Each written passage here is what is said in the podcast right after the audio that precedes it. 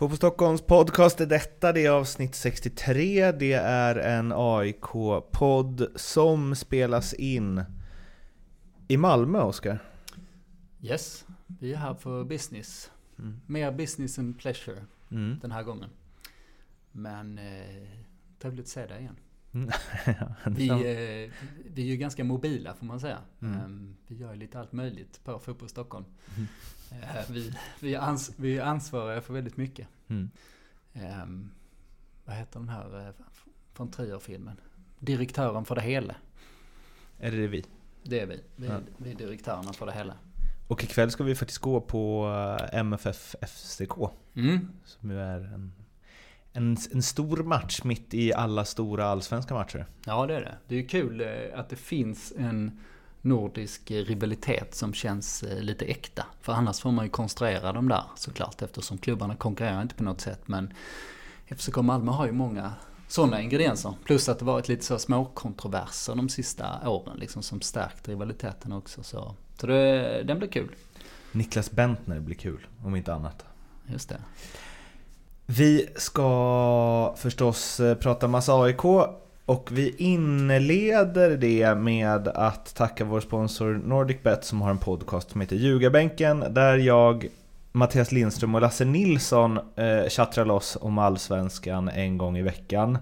Spana gärna in den och nu ska ni få ett smakprov för Lasse gick nämligen ganska hårt åt AIK efter matchen mot Elfsborg, hans Elfsborg, där han förstås var på plats och tittade. Och då sa han så här. En oerhörd besvikelse. Uh, nu var, det ju, var jag glad eftersom Elfsborg ändå fick med sig en poäng och de kanske var värda mer. Men att se ett AIK som spelar för guld, uh, det, kän, det, känns inte som att de ens försöker ordentligt. Uh, det är, det är Elfsborg som får dra, försöka höja tempot eh, i matchen. AIK är inte alls intresserade av att få någon tempohöjning. Det känns bara, bara statiskt. Eh, eh, och ännu mer frustrerande är att när Elfsborg gör 1-1, då helt plötsligt så infinner sig lite desperation och de skapar mer på de sista fyra minuterna än vad de gör på hela matchen i övrigt. Så att, ehm, det, jag tycker det är otroligt märkligt att man inte, att det inte infinner sig någon sorts någon mer desperation i, de, de får ju 1-0 som vanligt på något vis, eh, utan att egentligen vara värda det. Eh, och sen ska de dessutom ha en solklar straff i 92 eller vad det nu är. Eh, som de blir berövade på, men de var i ärlighetens namn inte värda någon, någon mer än en poäng heller. Så att, eh, eh, stor besvikelse säkert i AIK och, och jag tycker att det är märkligt att, att man inte liksom gick för det på ett annat sätt. Men det är inte riktigt så AIK spelar fotboll. Det var alltså Lasse Nilssons ord om AIKs insats mot Elfsborg. Oskar, vad säger du? Ja, eh, det finns ju mycket att säga om det här. Eh, för att, eh, att de inte går för det. Ehm, jag, jag, tror inte...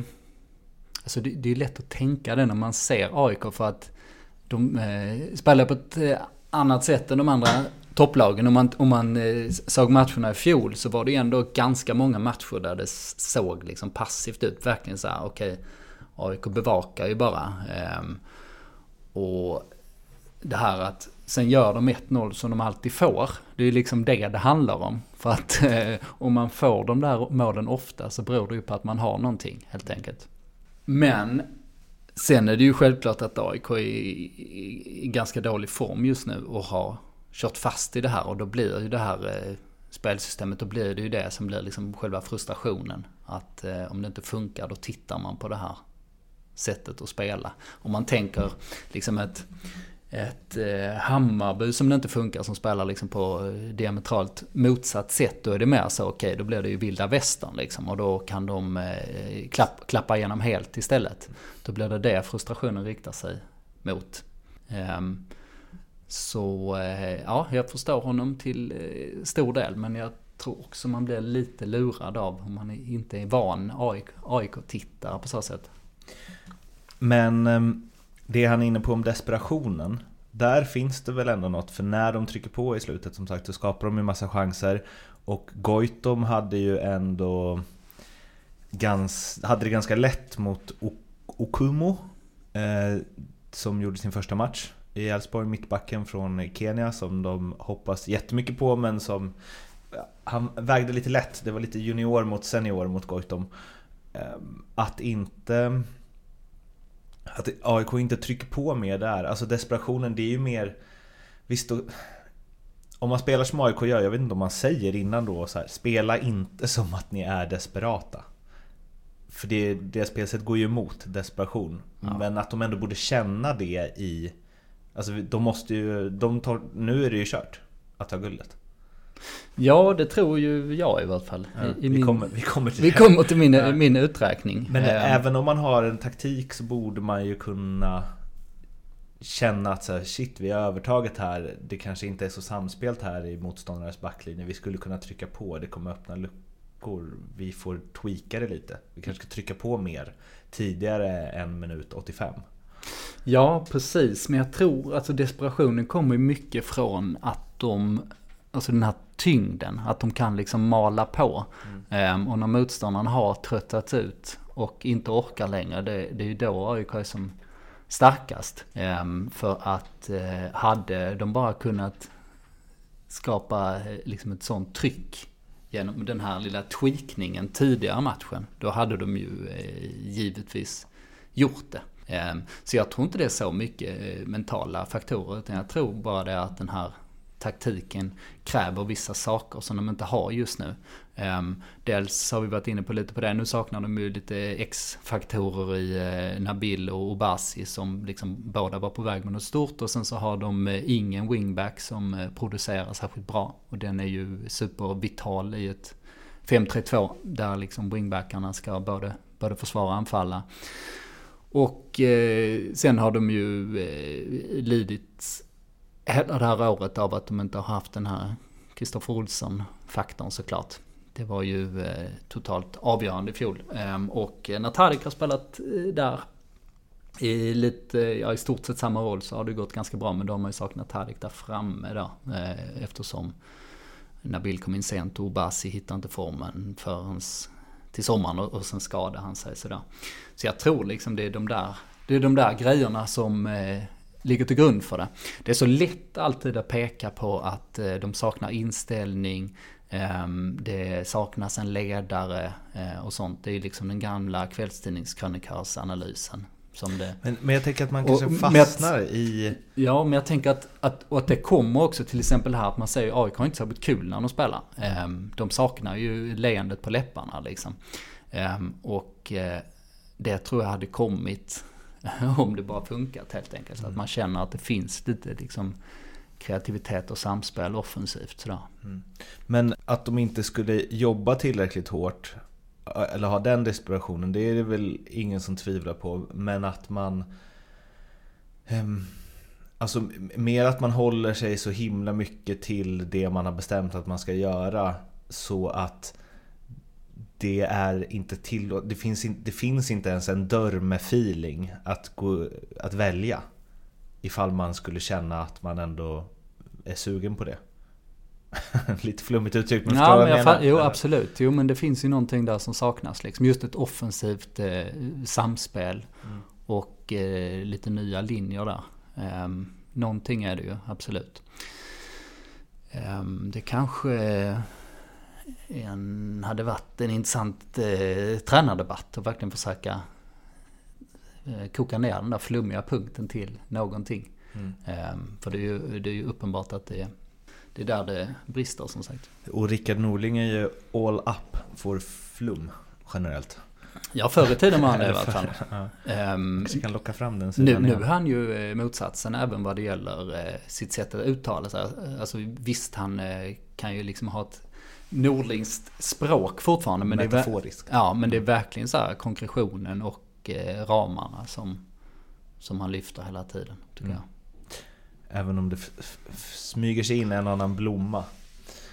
Fortfarande. Det. Men det är färre, färre blommor, ja, som sagt. Färre blommor. Men jag tror att det där leendet på läpparna och vilket gör eh, att kreativiteten flödar och man blir mer effektiv offensivt. Liksom, jag tror det beror på eh, taktiken, spelartyperna och läget på säsongen i grunden. Liksom.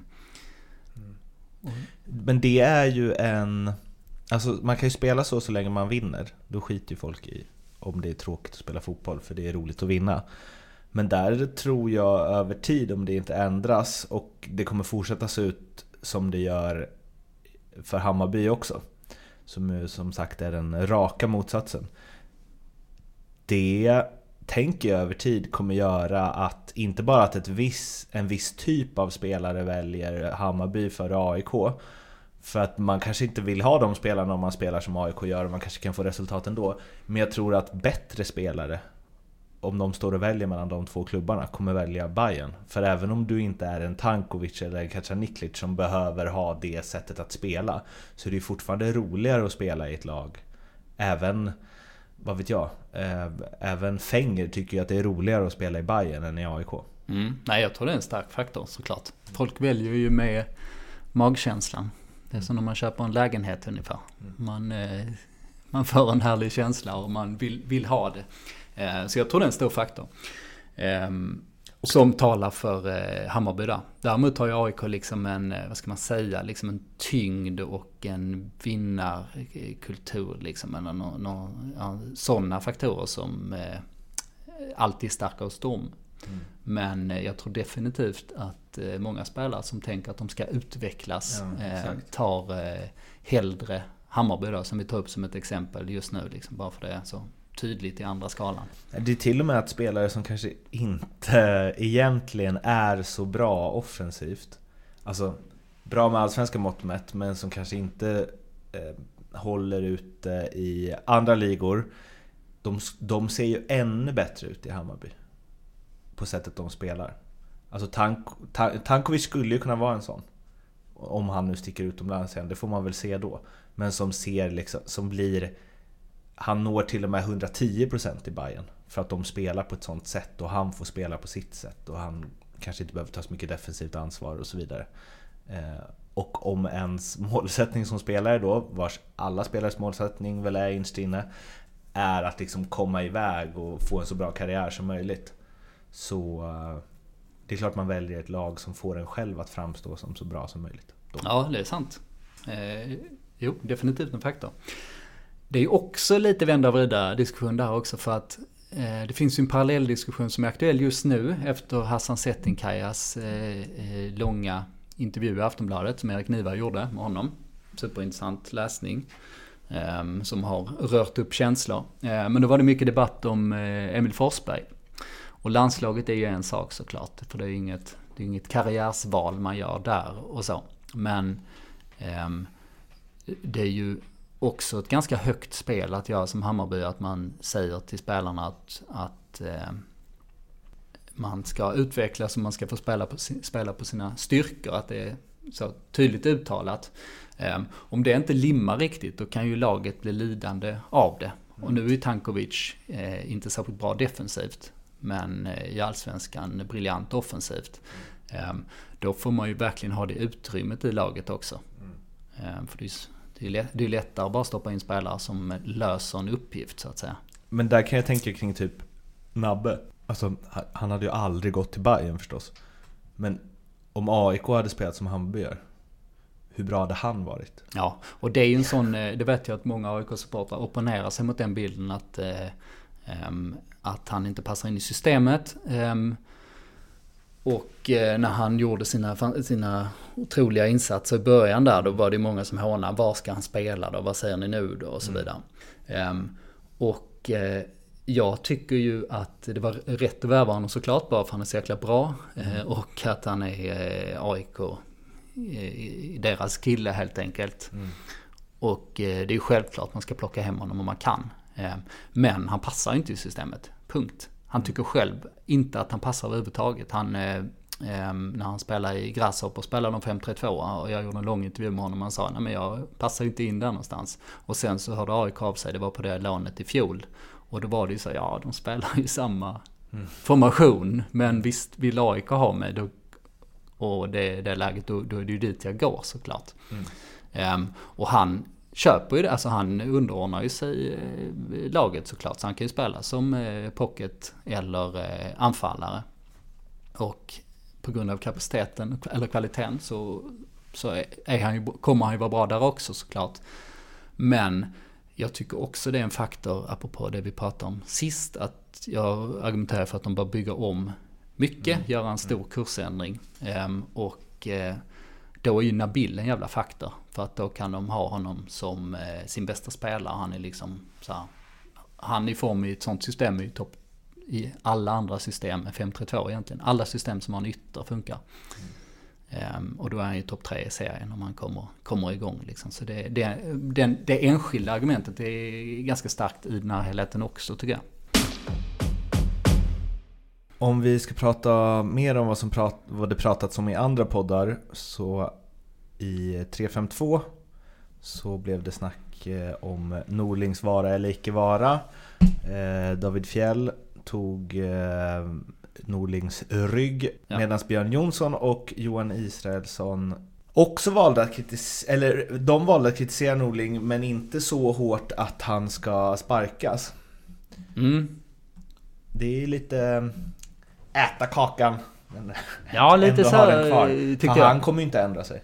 Nej, jag tyckte lite det. Eh, intressant debatt var det. Eh, och det är en eh, jävligt eh, bra podd, Träffen 2. Säkert många som lyssnar på den, som lyssnar på det här. Um, och Fjäll hade ju poänger med Norlings försvar. Um, och uh, det starkaste men Norling är ju det som vi har pratat om. Det är ju poängsnittet, det rena poängsnittet. Hur eh, jäkla bra de har presterat i serien över tid. Ehm, däremot försvarar ju Fjäll Europainsatsen. Ehm, om att det var svårt och att det är bara Malmö som har lyckats att knäcka koden. Ehm, och där finns ju uppenbara poänger att det är mycket svårare att lära sig ah, hur det funkar i Europa. Alltså bara själva logistiken är en rätt stor eh, faktor eh, för hur bra det går liksom sportsligt. Vilket Fjäll tog upp.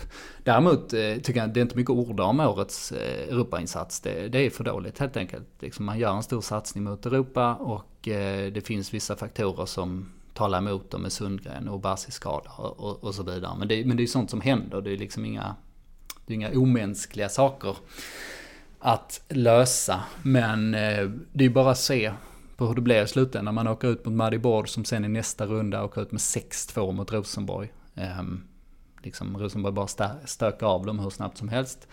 Um, och det sätter jag AIKs insats lite i perspektiv. Och sen i slutändan då blir det ett Europa League-kval mot Celtic och då torskar man ju med, ja vad blev det sist? Blev det liksom 1-6 totalt sist liksom. Så det var ju mil ifrån att kvala in till det Europaspelet.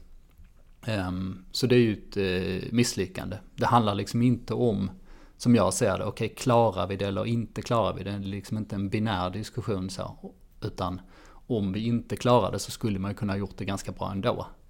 Ehm, det vill säga att man får en stor lottning och sen, sen åker ut i, ja till exempel i ett Europa League playoff ändå liksom. Men, men är ändå nära att man skakar Celtic liksom. Ja, och sen eh, Björn och Johan eh, som bara hade mer, eh, de kritiserar ju just Europainsatsen. Eh, framför allt, men de ville inte sparka honom. För de ville liksom inte vara i sparka tränaren-lägret liksom. Utan de ville vara i kontinuitetslägret. Men jag eh, vill inte vara i något läger i den diskussionen. Ehm, utan jag vill mer se till det enskilda fallet. Och eh, då tycker jag ju så som jag argumenterade i förra podden för att det är läge att byta ut Norling av eh, lite olika skäl. Jag hade väl fyra punkter eller mm. någonting som, som limmade med en kursändring och en, en ny, ny tränare helt enkelt. Ehm, och jag tyckte ett bra exempel där, apropå det här kortsiktigheten som vi pratat om. Eh, att Norling, det han gör, det är resultat. Det är därför han är anställd. Och sen så de andra faktorerna som man kan bedöma honom på eh, talar inte för honom.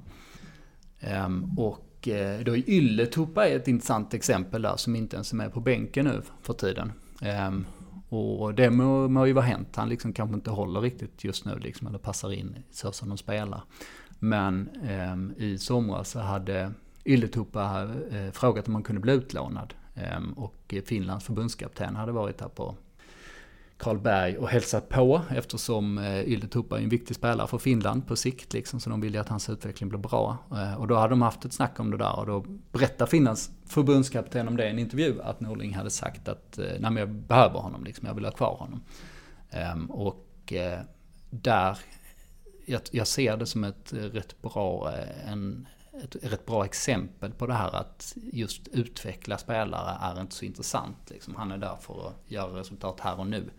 Eh, endast. För att eh, återigen i Hammarby, eh, för att jämföra, de lånar ju alltid ut spelare. Eh, de skickar iväg Sander Svensson till Norge och de skickar eh, Jean Carlos de Brito till Frej nu för att han skulle spela där i i höst och då är det lite vågspel istället. Att de vet, ja men får vi en skada på vänsterbacken där, det kanske varit rätt bra att ha Jean Carlos. Och eh, Sander Svensson hade varit bra på försäsongen och, och Billborn ville till och med ha kvar honom. Men då gick eh, Jesper Jansson in och sa nej, vi eh, behöver eh, utveckla honom och vårda vår investering. Så, mm. så att säga, så där, där liksom står de på på det benet istället. Jag gjorde en intervju med Andreas Alm, jag tror det var sista året han var i AIK eller åtminstone det senaste året han var i AIK. Där, jag kommer inte riktigt ihåg vad frågan var, men det kan varit så att eh, de antingen bytte ut många spelare eller inte bytte ut. Det handlade ju om kontinuitet på något sätt. Förmodligen så hade de väl bytt en del eftersom han försvarade det och då sa han att man kan ha för mycket kontinuitet också. Det är inte alltid, kontinuitet behöver inte vara lika med bra. Eh, och då frågade jag vad han menade med det Eh, och då... Eh, jag tror att det var ett sätt att försvara det de höll på med. Eh, men det var väl någonstans att så här, man kan bli bekväm. Man kan... Eh, alla har sina roller, alla är trygga i sitt och man, man lunkar på. Och att man måste hela tiden jobba med det om det är samma folk i klubben år efter år efter år. Både, alltså kanske framförallt på ledarsidan men också på spelarsidan så måste man eh, jobba med att få den här tändningen hela tiden och att alla sliter eh, sitt max. Och ja, det finns ju en poäng i det. Ja, och det är ett almresonemang verkligen. Mm. Eh, eh, för jag minns att jag pratade med honom en gång i tiden om att, eh, eller var en intervju och Alm sa att eh, nej men jag kan ju börja bråka med Nebosha när Nebosha var assisterande. För att konflikter ger energi, sa han. Det händer saker. Mm. Vi, jag kan nästan söka konflikten med honom bara för att vi ska få igång en diskussion. Mm. Um, och det är ju ett rätt extremt sätt att jobba på. Um, och efter eh, en cupmatch i våras när Häcken mötte Djurgården, de vann ju där i semifinal var det va? Um, så pratade jag lite om hur, hur, hur han trivdes i Häcken och då, och då var han ju inne på att ja men det händer ju ingenting liksom. Alltså det är ju fan det, det smäller inte här liksom. Mm. Det hettar inte till och då jämför han såklart med AIK-klimatet. Eh, så han, han gillar ju det. Det ehm, kan man tycka att man ser innan man skriver på för Häcken. Det är rätt lugnt där med Sonny och company. Ja, just det. Ehm, ja, nej, kontinuitet, alltså man kan vända och vrida. Alltså kontinuitet är ju självklart en framgångsfaktor. Alltså vad det gäller att spela ihop lag och spelarutveckling och Eh, trygghet och trovärdighet på många positioner. Men man kan ju ha kontinuitet på många sätt. Om man ser på Malmö FF så har de ju bytt ut eh, tränarna hela tiden. Även de tränarna som vinner guld, alltså Allan Kuhn och Magnus Persson får ju gå. Ehm, men det har egentligen inte betytt att de inte haft kontinuitet. För att de har ju haft kontinuitet på alla andra poster egentligen. De har mer plockat in en tränare som är anställd för att göra en sak. Eh, det skulle ju kunna bli samma med Ove till exempel. Kommer nog bli det va? Ja, det är ju om de... vi ska spekulera lite. Precis, det är ju klart att om de vinner allsvenskan och sen eh, gör bra ifrån sig Europa League så, ja. så är det väl svårt att liksom rent personalpolitiskt göra den moven. Men absolut, jag... Är det om, någon jag ska... som kan göra det är det Daniel Andersson i och för sig. Ja, ja. som jag får gissa så eh, har Malmö ny tränare till nästa år. Ja. Och AIK, jag skulle också gissa att Norling eh, inte är kvar till nästa år. Vi ska strax runda av, men först, du eh, skrev en blogg där du eh, tittade lite i spåkulan, de fyra omgångar som är kvar, då AIK har Örebro hemma, Falkenberg borta, Malmö FF borta och Giffarna Sundsvall hemma. Du kommenterade det med eh, följande. Om AIK vinner samtliga matcher når de 65 poäng, men de kommer inte att slå någon av konkurrenterna på målskillnad. Jag har också svårt att se AIK ta mer än 9 poäng med tanke på bortamatchen mot Malmö och hur AIK spelar just nu. Man ska sällan räkna ut AIK, men nu gör jag det ändå. Gnaget tar inte guld i år. Eh, nu ska jag bara från minnet här, eh, med risk för att vara eh, snett på det, men har inte AIK ett riktigt dåligt facit borta mot MFF de senaste 20 åren? Sånt kan du inte bara slänga upp i, i en podd, fattar du? det var någon som sa det. Att de inte vunnit Nej, i det- Malmö på alltså, jävligt länge. Ja, det stämmer nog va? Jo, det stämmer nog. Eh, Vi säger att det stämmer. Ja. Jag minns ju å andra sidan... eh, Alltså 10 år. Typ. Guldmatchen 92. Gary Sundgrens föreställning. Det var ju var det Mal- senast? Det var ju på Malmö stadion. Ja, de har nog vunnit sen dess eh, någon gång i vart fall. Ehm, nej, men, det, men grejen är där att, att om de tar fyra poäng, eller fyra poäng, fyra segrar, ehm, det är ju det som krävs om de ska kunna vinna allsvenskan. Men då är det ju, då, då är det precis som jag skrev där, 65 poäng, men enligt den här blogguträkningen jag gjorde så är det väldigt troligt att fler lag landar på 65. Om Hammarby vinner alla sina så blir det precis det. Om Malmö vinner eh, tre av fyra, vilket jag ser som ganska troligt med tanke på att de har eh, Hammarby borta och i det här AIK-fallet då, AIK hemma, men då ska de torska mot AIK. Så landar de på 65. Om Djurgården förlorar två, vilket eh, är eh, sannolikt, eftersom de har Norrköping borta i sista. Norrköping har sju raka vinster på hemmaplan och 21-1 i målskillnad. Så den är ju så svår den kan bli. Och sen har de dessutom Hammarby eh, i derby, neutralt derby och eh, Göteborg på bortaplan liksom. Så där skulle man ju kunna se en så här två vinster, två förluster scenario. Då är det 65 poäng också. Ehm, och i det fallet så har ju eh, AIK ingen chans på målskillnad oavsett vem det är de skulle konkurrera med. Så, så eh, det är ju Europa som man får satsa mot. Och det är ju det som eh, är det viktiga såklart. Ehm, för eh, vi har ju pratat om AIKs ekonomi och vart det pekar. Ehm, och det är ju en ganska, jag vet inte, dyster prognos behöver man inte vara. Men det, de behöver ju korrigera saker och de hade ju mått väldigt bra av att få Europaintäkter. Det var ju ett hår- hårt slag att de inte lyckades kvala in till Europa League i år. Jag kör ju här as, as we speak så att säga. Eh, De har ju alltså inte vunnit i Malmö sedan ja, 20 år. Ja, det är så. 96. Ja. Nej. Det är ju länge sedan. Ja, det är det. Det är det. Men man kan ofta hitta den här typen av statistik. Det är bra för vinklar. Eh, För att man har ofta sina boogie-teams och eh, lagen är ju så oerhört mycket starkare på, eh, på hemmaplan såklart. Så det finns ofta sådana sviter kopplade till storlagen. AIK har ju nu förmodligen ett, ett gäng bra sådana också. Derbystat- 8600 dagar typ. Okej. Det är länge. Ja, det är det. Ja. Och där, då kan man väl säga att det ändå finns någonting i att de inte kommer vinna borta mot Malmö. Yt, eller så här, det finns ganska många grejer som talar för att de inte kommer vinna borta mot Malmö. Mm, så är det ju. Däremot är de andra tre matcherna eh, jättebra chans att vinna såklart. Eh, Örebro hemma, Falkenberg borta, Sundsvall hemma. Ehm, och det gör ju det spännande såklart. Ehm, tre vinster och Europa, nej den är ändå knapp alltså. Det kan... Det skulle kunna behövas eh, ett kryss i Malmö också för att ta en, en topp tre placering. Eh, absolut, så det, det är hårda, hårda bud just nu. Nu är halvtimman klämtad. Det var det för det här AIK-avsnittet och eh, vi hörs igen efter nästa match helt enkelt. Ska vi pusha för quizen? Det tycker jag. Mm. Vi har ju kommit fram till sent påkommet att vi ska ha ett litet eh, fotbollsquiz. Fotboll Stockholm kväll. Tisdag 8 oktober. Ja. Och eh, vi, vi jobbar på lokal just nu. Förhandlingar pågår. Ehm, så, eh, men eh, tanken är, att, tanken är att vi ska ha ett litet eh, quiz där för eh, läsare och eh, vänner. Och sen så dricker vi lite öl och eh, snackar fotboll. Sen får man komma med alla, alla invändningar som man har på det som vi säger i podden också. Ja, Okej, ni får bara... Nej, ni får säga allt ni håller med om. Ja, Det är en sån, det är en sån kväll. Det är en sån kväll. Eh, håll utkik, Twitter, Facebook, eh, Instagram så meddelar vi där när vi vet var vi håller hus.